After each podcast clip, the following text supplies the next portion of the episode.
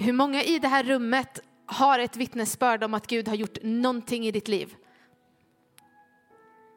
Det är många händer som är sträckta. För dig som längtar efter att Gud skulle gripa in i ditt liv. Varje hand som är sträckt, ett vittnesbörd om att han har varit trofast. Varje hand som är sträckt, ett vittnesbörd på att han förmår att göra det igen.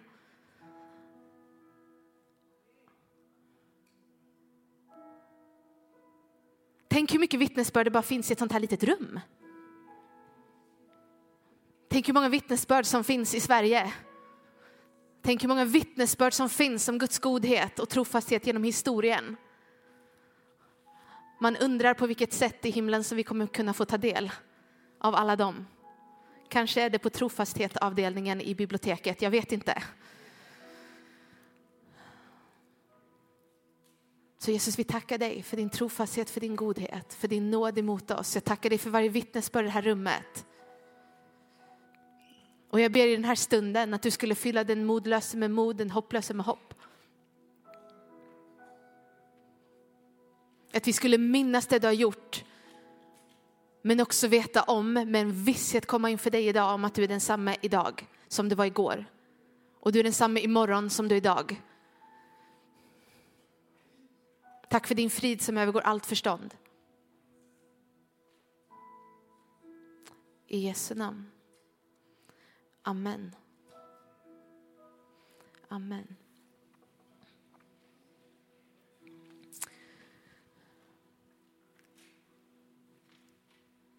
Vi är så tacksamma för att få vara här eh, med er och i, i Malmö. Eh, vi var här för ett gäng år sedan och hade underbara vittnesbörd och minnen från när vi var här senast. Så vi åkte hit den här helgen med stor förväntan på vad vi skulle få se Gud göra. Eh, för er som inte mötte oss igår eh, så heter jag Cornelia Forsberg och finns med och leder det här initiativet Hope for this nation tillsammans med Sanna här. Och, eh, vi har gjort det här i ett gäng år nu, rest runt på det här sättet, mött församlingar, mött människor och också mött människor som inte känner Jesus än ute på gatorna. Och jag vill egentligen bara i inledningen skicka med och dela med er att det här landet som vi bor i är vidöppet för evangelium. Att det är lätt att ha en bild om, om Sverige eh, utifrån om man läser statistik och om man hör eh, viss typ av kanske undervisning ibland av att Sverige skulle vara ett stängt och hårt och kallt land. Eh, enligt statistiken så ligger vi, om inte det mest så är det väl det mest näst sekulariserade landet i världen. Och så hörde jag en gång en predikan av en präst som brukar sitta i själavårdssamtal som sa ungefär så här, då har de inte frågat mig när de gjorde den statistiken. För att han som möter människor som vi skulle säga sekulariserade svenskar, som möter dem i samtal efter samtal efter samtal ser att det är allt annat än stängt. Allt annat än sekulariserat utan att det som vi ser i vårt land idag är en hunger efter hopp, efter mening, efter Gud. Och jag tror att vi lever i en tid där det finns en hunger efter vad som är verkligt sant. Man är trött på en relativ sanning. För det gör ingenting med oss mer än att vi blir mer förvirrade. Men en verklig sanning sätter fri. En verklig sanning leder människor till sitt syfte. Och vi ser hur människor söker det idag. Och när vi kom till Malmö igår ehm, och vi var ute på gatorna en stund vid, vid Triangeln igår, eh, ett par timmar. Vi hade lovsång, vi delade ut kaffe, mötte människor med, med biblar och, och, pratade med människor. Och efter första samtalet, eller till och med innan första samtalet, så var min känsla, oj, vem ska jag prata med av alla de här människorna? För det känns helt öppet. Upplevelsen av att oavsett samtal som jag tar nu så kommer det bli bra. Antingen var det jag som var väldigt uppfylld av tro, och bara uppmuntrar en själv att allt kommer bli bra idag. Eller så är det faktiskt så att Gud gör någonting i vårt land där vi faktiskt kan ta på nästan upplevelsen av att det är öppet. Och efter igår ehm, så har vi med oss fantastiska vittnesbörd om öppna samtal, om helanden, om människor som har stått i tårar på den platsen som har fått erfara Jesus. Och det sker så mycket under så kort tid. Och ibland när vi har varit ute i, en, två timmar så tänker jag så här, vad hade hänt om vi stod här hela dagen? Vad hade hänt om vi var här imorgon igen? Vad hade hänt om vi faktiskt dröjde kvar en vecka? Och nu är inte det här mitt sätt att bjuda in oss att stanna i, i flera månader. Men när man får smaka på vad Gud gör i en vanlig svensk stad bland människor som du och jag kan tänka inte är personen som är öppen för att ta emot och hör om Jesus. Och man ser hur människor står i tårar och man ser kroppar bli helade och man ser människors blickar som ungefär så här. När de har fått möta en Gud som de inte trodde fanns. Så känner man, tänk så gjorde jag det här en kvart till. Har jag råd att inte öppna min mun när jag går på bussen nästa gång och säga till busschauffören, vet du Jesus älskar dig? Jag har sett alldeles för många vittnesbörd för att inse att det är värt att våga ta ett obekvämt steg och öppna den här munnen och säga till människor i vårt land att Jesus älskar dig. Det står i Johannes så står det om Jesus hur han säger att lyft era blickar för skörden har vitnat. Det är redo, fälten är vita. Och jag tror att från den dagen som han gick på vår jord så har det varit vita skördar. Men jag tror att vi lever i en tid där det är verkligen vitt. Där det verkligen är redo för skörd. Eh, folk frågar mig ibland hur, hur kommer det sig att du gick ut och började vara evangelist på gatorna? Och så brukar jag ungefär svara så här att jag hade aldrig tänkt att jag skulle hålla på så här. Jag hade till och med kanske tänkt att det var absolut inte så jag skulle hålla på. Utan göra det på något annat lite mer smidigt sätt. Inte bara gå fram till en person och säga du har hört om Jesus. Det kändes lite osmidigt. Och så hade jag en erfarenhet för fyra, fem, sex, sju, åtta år sedan. Någonstans däremellan. Där ungefär Gud sa så här, du behöver göra det här nu. Det var med en mild stämma. Det var med en inbjudande stämma, men det var väldigt tydligt, du behöver göra det här nu för att det är ett skördetid i ert land. Och det var ungefär mitt eget personliga kall ut. Att börja gå ut på gatorna och börja möta människor som inte känner Jesus än. För att det är tid. Människor behöver. Ehm, så jag vill inte bara skicka med att det är öppet. Människor längtar, människor hungrar. Vi har vittnesbörd bara de senaste veckorna om hur unga människor, svenska ungdomar, drömmer drömmar om Jesus som besöker dem i drömmar och säger ja Jesus, du behöver följa mig. Svenska ungdomar. Och jag älskar det, jag hörde i ett av de här vittnesbörden hur några ungdomar hade kommit till kyrkan och berättat om just det här och hade sagt så här, vi är fler. Och då tänker man, hur många fler? Gud gör någonting. Och jag tror att det är verklig tid. Den här stunden som, som jag har här av att få, få dela mitt hjärta med er så ska jag säga någonting om, om mitt personliga vittnesbörd. Eh, dela någonting om min egen resa tillsammans med Gud. Um, och innan jag gör det så vill jag bara skicka med, jag har en längtan för den här stunden och för den här gudstjänsten. Att Faderns kärlek skulle träffa ditt hjärta så djupt att i ljuset av hur mycket han älskar dig så skulle lögnen bli uppenbar. Att det som du och jag vi tror på och tänker om oss själva, vi tänker om Gud, vi tänker om varandra. Att det i ljuset av hur mycket han älskar skulle bli uppenbart att det där stämmer inte. Och det där stämmer inte och det där stämmer inte. Det står om den heliga ande så står det att han är en ande som överbevisar eller övertygar. Det står att han övertygar om synd. Och många gånger i en sån här typ av setting så sker någonting som vi inte alltid tänker på är Gud, men som väldigt många märker. Och det är att plötsligt blir våra hjärtan övertygade om någonting. Våra hjärtan blir överbevisade.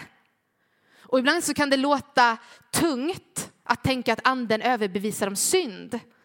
Att det som sker en sån här stund är att vi alla sitter betyngda av att vi så uppenbart förstår hur mycket vi syndar.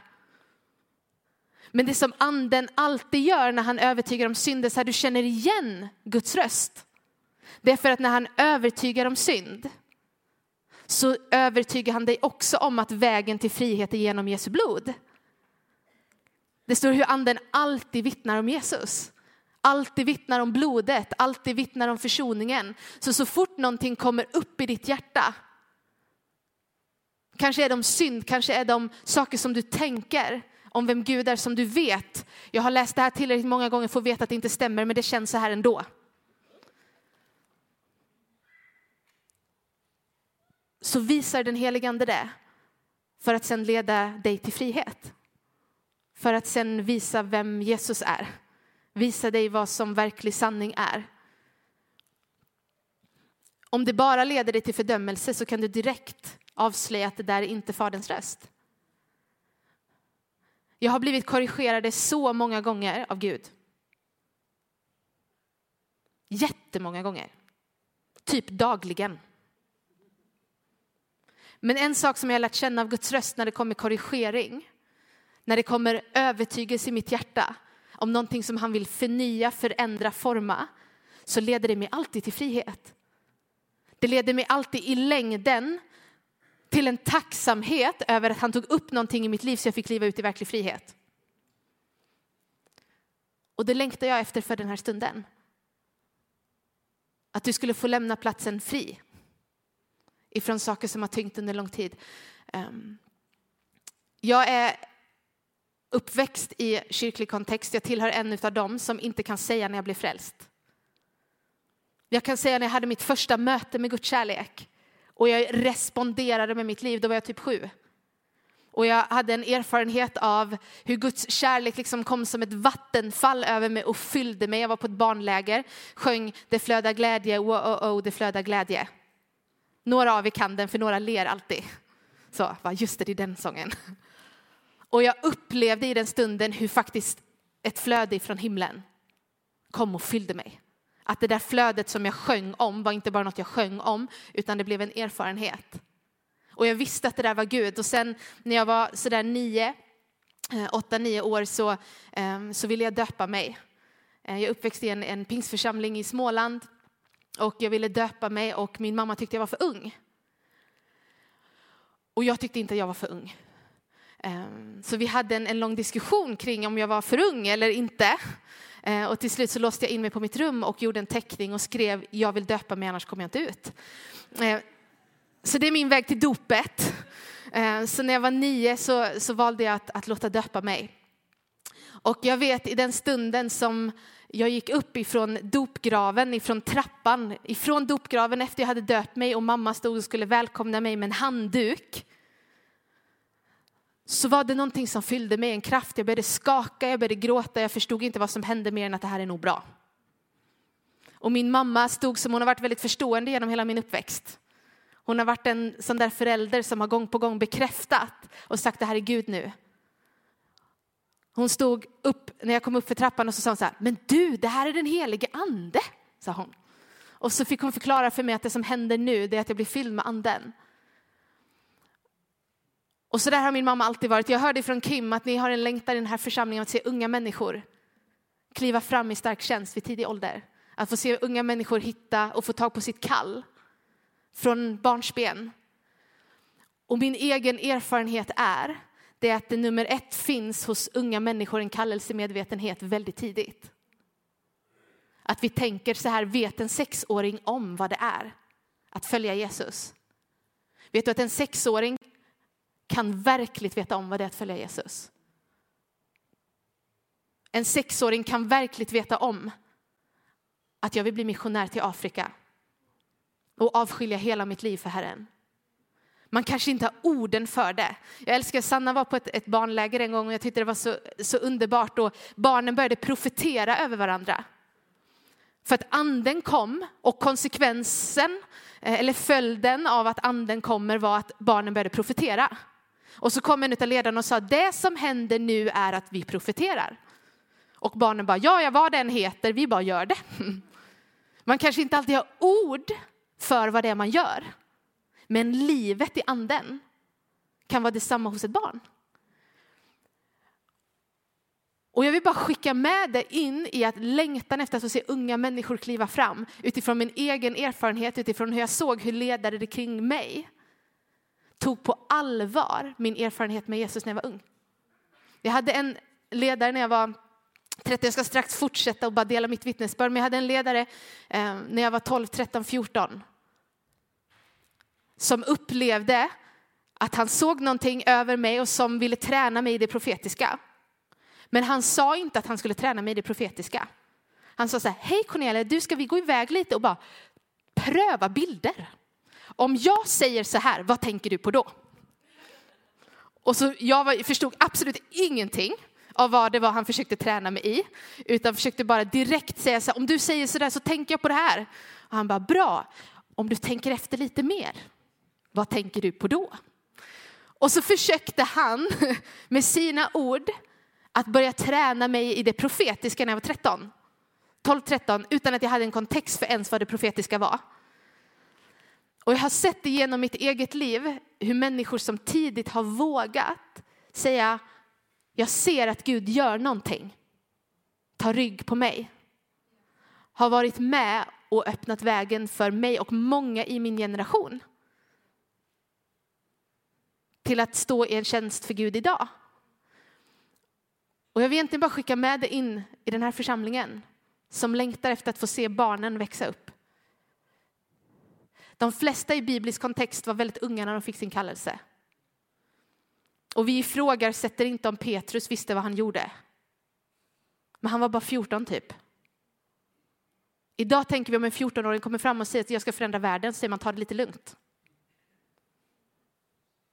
När Petrus fick höra du är klippan så ifrågasätter vi inte att han inte tog det lugnt. Så låt oss vara lyhörda för när barnen börjar möta Gud, när en ung generation börjar möta Gud och tidigt vet om att det är Gud som rör vid mig. Ehm, tillbaka till mitt, mitt eh, vittnesbörd, eh, eller det här var mitt vittnesbörd också, men en liten annan del. Ehm, så, jag, så jag är uppväxt med att tidigt ha känt Jesus, tidigt ha fått erfara ett liv tillsammans med Gud.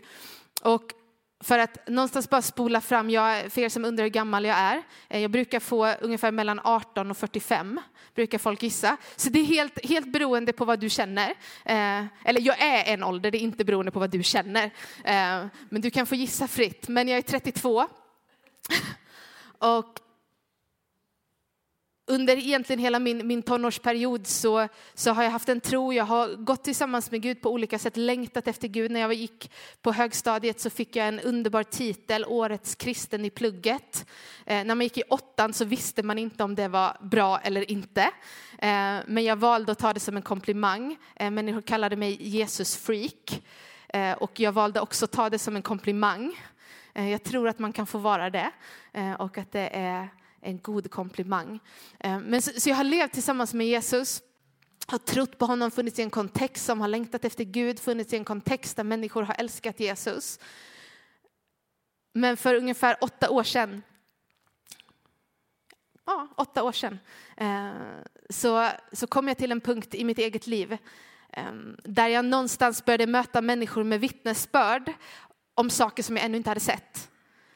Jag började möta människor med vittnesbörd om vad det var att höra Guds röst på ett ytterligare sätt. Jag började möta vittnesbörd från människor som såg sjuka bli friska.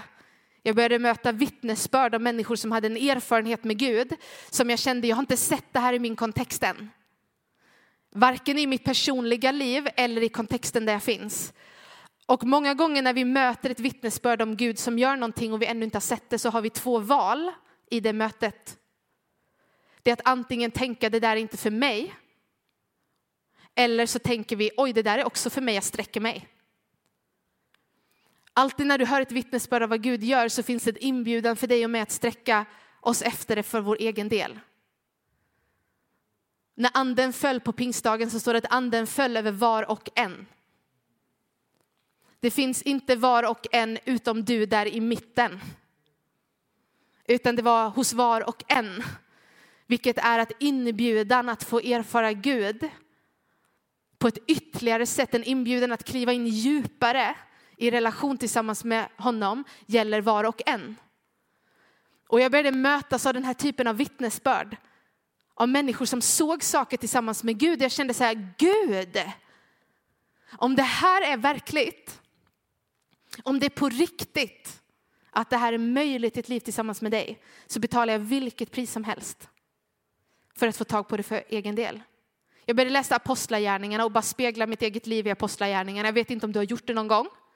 Ganska fort, det räcker typ första kapitlet och du inser, oj jag är inte där. Och så fortsätter man in i slutet och inser när Paulus är skeppsbruten. Han tar ormar med händerna, kastar bort det som att det inte vore någonting.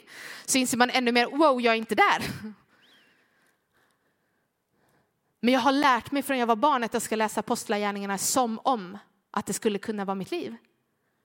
Och den där hungern i mötet med människors vittnesbörd, i mötet med Guds eget ord väcktes så starkt i mig. Och för ungefär som sagt åtta år sedan så, ehm, så började jag ett, på något sätt ett sökande efter just det här. Eh, Gud, det måste vara mer. Jag och Sanna vi började be tillsammans. Vi kände inte varandra så väl då, eh, men vi upplevde att vi skulle be tillsammans. Vi började söka Gud tillsammans. Och mitt inne i det där sökandet, egentligen i väldigt oformulerade böner som var typ så här, Gud, jag vet knappt vad jag ber om, men jag ber att du ska göra bara mer. Jag ber att du ska göra mer i vår församling, jag ber att du ska göra mer i mitt liv. Jag ledde då en ungdomsgrupp i Göteborg med ungdomar som var dunderfrustrerade. Alltså minst sagt, de gick från förbönen i tårar och det var inte goda tårar. Det är jättetufft att stå i ledarskap när ungdomar lämnar förbönen i tårar som inte är jag är berörd av Gud.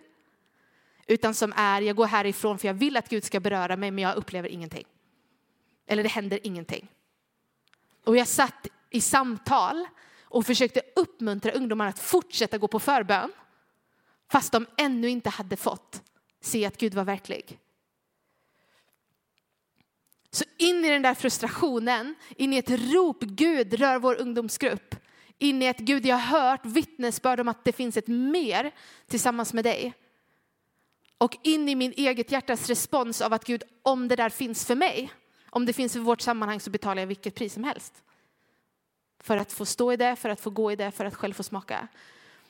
En månad in ungefär in i det där sökandet eh, så kom Gud och responderade med sin ande på den bönen som vi bad, som vi sökte honom i. Och så här när Gud responderar så responderar han alltid med ett mer än vad man bad om. I Efesierbrevet så står det att han som förmår att göra långt mer än vad vi ber, drömmer om, kan formulera och så vidare. Vilket ofta är fallet att när du får ett bönesvar så ser man, oj, jag fick det på köpet. Rebecka har ett underbart vittnesbörd om hur Gud mötte henne och rörde vid hennes hjärta och märkte efter ett tag, oj, han helade mig också från min benhinneinflammation. Ofta är det så med Gud. Det är som ett extra allt plus. Och ibland bara märker vi efteråt att han gjorde mer än vad jag bad om. Och min egen erfarenhet i det var att Gud kom med ett mer. Vi hade ett tillfälle en kväll, en söndagkväll, eh, när vi var på en gudstjänst i Göteborg och vår erfarenhet var att plötsligt var det någonting som hände, den heligande föll över oss. Och efter den stunden så var jag aldrig mer densamma igen. Någonting hände, någonting hände efter ett sökande efter mer. Och jag hade ingen aning vad Gud skulle göra med det mötet, vad han skulle fortsätta göra utifrån det. Jag bara visste att Gud har mer att ge. Gud längtar efter att möta mig och dig med ett mer av honom. En församling kan vara hungrig efter mer av Gud hela sin existens. Och jag tror att det är ett sundhetstecken. Att om du känner jag blir aldrig mätt. Om det skulle komma till mat så kanske inte det är ett sundhetstecken. Men när det kommer till Guds liv så är det ett sundhetstecken att vara kontinuerligt hungrig. För man blir mättad men man blir mer hungrig. För att när du ser vem Gud är och vad han gör så vill du ha mer. Så bjuder det alltid in oss till att sträcka oss efter ett mer. Och i den erfarenheten som jag gjorde för, för åtta år sedan ungefär så var det två saker, eh, det var mycket som hände, men två saker som var signifikanta. Det ena var hur påtagligt det var hur nära Gud var. Jag har hela mitt liv vetat om att Jesus är Immanuel, Gud med oss, den helige ande, hjälparen här och nu. Inte av att Gud har varit långt borta, men en upplevelse av att livet med Gud är lite långt borta. Inte att han egentligen är det, men att själva livet tillsammans med honom kan vara det. I den stunden när Guds närvaro bröt in, Guds eget liv bröt in, på det sättet i mitt eget liv så insåg jag en sak, det är att Gud är närmare mitt eget andetag. Det var som att överallt dit jag gick, om jag så stod i köket, om jag gick på toaletten, om jag var och predikade, om jag var och ledde ungdomssamlingen, om jag satt i min soffa och tittade på någonting, vad den var, så var det upplevelsen att Gud är här. Vad gör jag med att Gud är så här nära? Hur kan jag leva mitt liv på något annat sätt än bara för honom när han är här och nu hela tiden? När han är så, så djupt nära. Och den andra saken som också kom i den här perioden av ett gudsmöte för åtta år sedan var att jag fick erfara Faderns kärlek. Jag har hört hela mitt liv att Jesus älskar mig. Jag har till och med gått runt med en sån här frälsningskub i fickan. Eh, hur många av er vet vad en frälsningskub är? Det var inte många här. Eh, men en frälsningskub, eh, det var ungefär som en Rubiks kub som jag gick med i, byxan så här i, i hylsan. Eh, som folk frågar ungefär så här, vad är det du har där? Och så säger man, jo det ska jag berätta för dig. Och så vänder man och vrider på den och så till slut har man berättat hela frälsningshistorien genom en kub. Supersmidigt, jättepraktiskt. Eh, jag fick faktiskt en för ett tag sedan. Olivia hade hittat en sån här så jag har en hemma nu igen. Jag har inte använt den ännu eh, men den ligger där. I alla fall, jag har hört hela mitt liv att Jesus älskar mig. Jag har förstått principen av en frälsningshistoria, jag har mött hans kärlek. Men mitt i det här ropet efter mer av Gud, mitt i det där sökandet efter mer av Gud, så kom Gud för att också bekräfta min identitet djupare än vad jag hade varit med om. I det jag ropade efter så innehöll mitt rop mest under och tecken och mirakler, för det var det jag längtade efter. Men Guds respons på det ropet var att berätta för mig att jag var hans dotter, i vem han hade sin glädje. Jag hade en, en erfarenhet ungefär någon månad in i den här perioden som vände upp och ner på mitt liv. Där jag kom hem en sen kväll från en gudstjänst, jag hade varit i Lysekil. Och så hade det varit människor där som typ sa så här, vet du att Gud är din pappa? Jag bara, yeah, gött. Och sen så fortsatte jag bara därifrån. Eh, och jag var inne i en tid där Gud gjorde mycket, precis som jag berättat. Men så kom jag hem och jag gick upp för, för trappan där vi bor. Vi bor i en, eh, en lägenhet högst upp i en trappuppgång. Ehm, vi bor inte i trappuppgången alltså, utan i en lägenhet. I alla fall. Men på sista avsatsen, innan jag skulle gå in i, i vår lägenhet, så var det som att Gud hade bara stämt träff. Ibland har vi den typen av erfarenheter med Gud. Det är att plötsligt är han bara där. Han är här hela tiden, men ibland är det som att vi har erfarenheten att Gud bara kommer. Och jag vet att när jag klev upp så bara visste jag att nu är Gud här. Vad ska han säga? Vad ska han göra? Jag visste att han var där innan han hade sagt någonting. Och så började han tala över mitt liv och han sa så här att du är min dotter och jag älskar dig. Jag har min glädje i dig. Och han sa inte bara det en gång, utan han fortsätter att säga du är min dotter, jag har min glädje i dig, jag älskar dig. Och den där sanningen över mitt liv började ringa och den gick så enormt djupt. Så här, jag kan säga någonting och det går typ halvdjupt. Men när Gud säger någonting, när han får blåsa på ett ord, så är det som att det tränger så djupt i våra hjärtan. Så det börjar rota upp med saker i ditt och mitt liv som vi inte ens visste att vi hade. I mötet med att Gud sa över mitt liv, du är min dotter, jag älskar dig, så var det som att prestation inför Gud började automatiskt rota upp sig ur mitt hjärta. Jag skulle inte ens säga att jag hade problem med prestation. Men jag märkte när jag mötte honom som är ovillkorlig kärlek, som har älskat först innan jag ens kunde respondera. I mötet med honom som en god far vars uppgift är att bära och leda och föra mig fram och ge mig ett syfte som inte beror på vad jag gör. Så märkte jag när han började tala, du är min dotter. Så var det som att karriär, prestation, vad människor ska tycka börjar automatiskt spola av. Och jag märkte det inte för att han sa nu gör jag upp med det här i ditt liv, utan jag märkte det för dagen efter Eller minuten efter så märkte jag att behovet av vad människor skulle tycka var inte lika längre där. På samma sätt. Behovet av att prestera var inte längre där. Utan behovet av att bara få vara hans var det som fullständigt tog över. Att Gud, det räcker. Om jag bara får vara din i resten av mitt liv så har jag presterat allt. Om jag bara får vara din i resten av mitt liv så har jag lyckats. Och om du är här och du har sagt ett ja till Jesus har du lyckats. För att han kommer inte gå. För du är hans. Och jag har läst Fader vår i hela mitt liv. Jag har kunnat den nästan baklänges. Nej, den är faktiskt lite svår baklänges. Så jag vet att Gud är en far.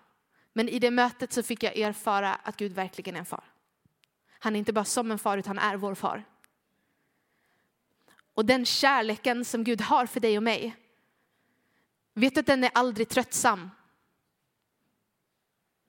Aldrig någonsin tröttsam, det faktum att du är älskad, att du är hans. Att Fadern gläds över ditt liv. Det jag fick se i mötet med hans kärlek var att den blev grunden för att gå frimodigt. Under och tecken och mirakler att gå frimodigt med anden kändes plötsligt mycket lättare.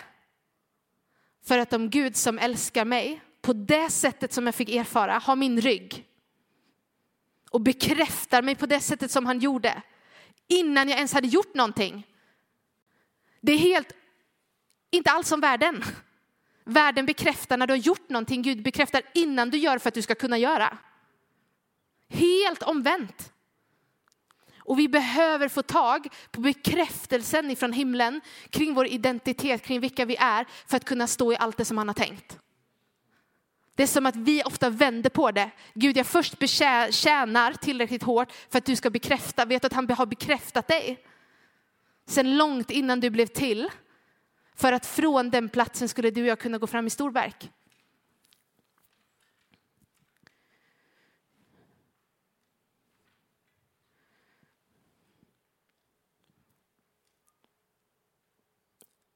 Efter det sen så började Gud kalla ut till jättemycket spännande saker. Han började ungefär göra det när jag kom till platsen där jag sa till Gud så här.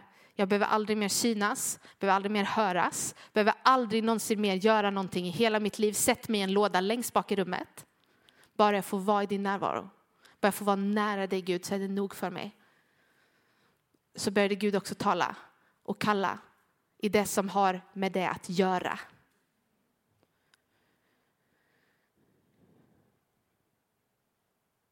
Men jag inser fortfarande att när jag gör saker, om jag någonsin kommer ifrån platsen, ifrån vem jag är innan jag gör någonting, så blir det jag gör inte vad jag verkligen var tänkt att göra. Jag ska avsluta nu. Vi ska gå in i en stund av nattvard.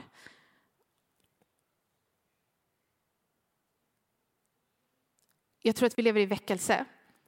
Väckelse är att vakna Ofta tänker vi väckelse som att människor kommer till tro. Det gör de, det är ofta följden. Men jag tror att det Gud gör det är ett uppvaknande för dig och mig. Och jag tror att det är ett uppvaknande till hans kärlek. Jag tror att det som väcker oss är hur mycket han älskar. Ofta när vi tänker på väckelse så tänker vi på eld, vi ser små flammor för vi tänker på pingstdagen. Inte alla kanske, jag gör det. Och så tänker vi, vad är den elden för någonting? Den elden är hans kärleksbrand. I hans eld så finns en kärlek så djup för dig och mig som märker oss och som också förtär det som inte ska vara där för att han älskar dig tillräckligt mycket. För att inte låta någonting vara kvar i ditt och mitt liv som är lögner, som är saker som han faktiskt inte har kallat till. Jag tror vi behöver vakna och jag tror inte att det är en ytterligare prestation utan det är ett möte med honom som älskar. Som säger över dig, du är min son, du är min dotter och jag har min glädje i dig. För någon idag så tror jag att du kommer höra hur han säger res dig. Inte från en plats av att ytterligare prestera utan från en plats av att det är hans kärlek som reser dig på nytt. Du som upplever att du har legat ner.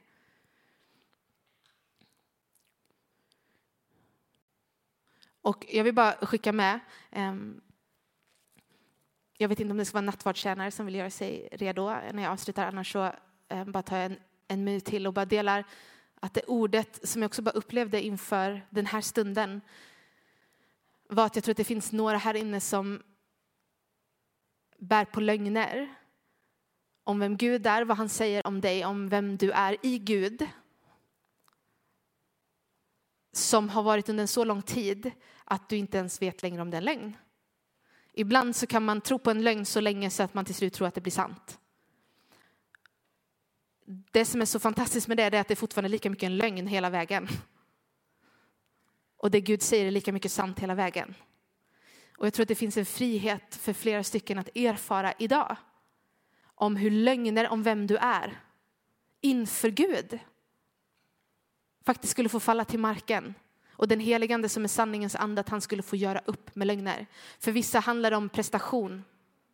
För vissa handlar det om att du inte är god nog. För vissa handlar det om anklagelse, fördömelser. För vissa handlar det om att Gud inte älskar mig. För vissa handlar det om att du inte har gjort saker tillräckligt bra. Du vet, allt är bara lögner. En hel bunt med lögner.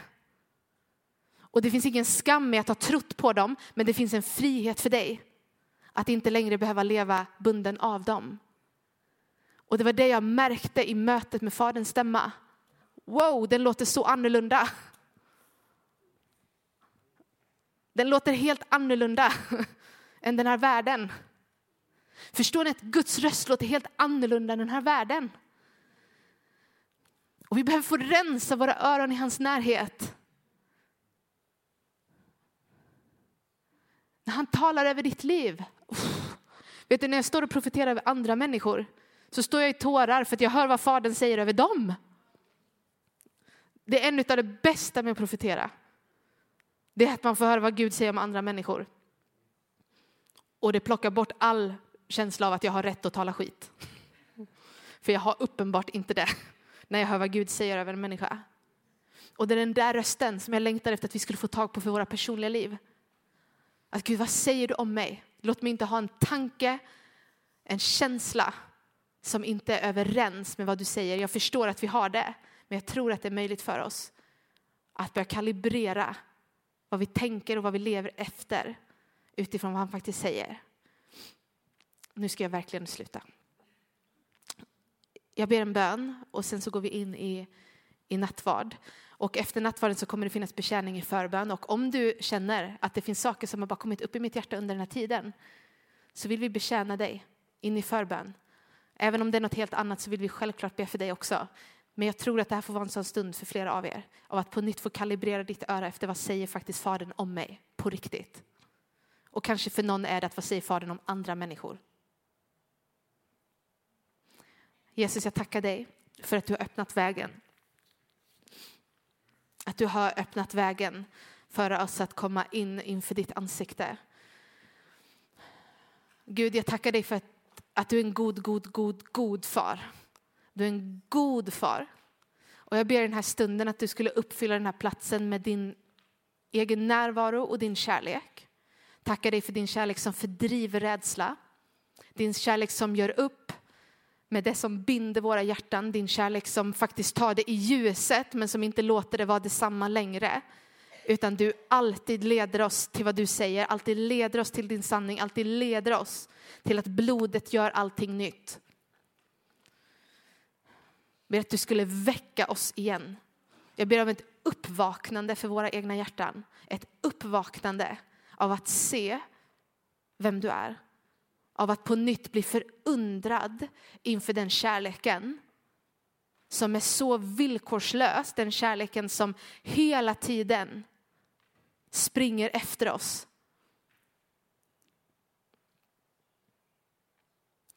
Och jag ber om din nåd i den här stunden, att lögner skulle få bli brutna. Att bojor, lögner som har bundit under en lång tid, att det skulle få släppa idag. Att du skulle göra upp med rötter, är det människors ord, om det är besvikelser, om det är bitterhet, vad den är. Så bara be om nåden helige att du skulle uppenbara för att göra fri.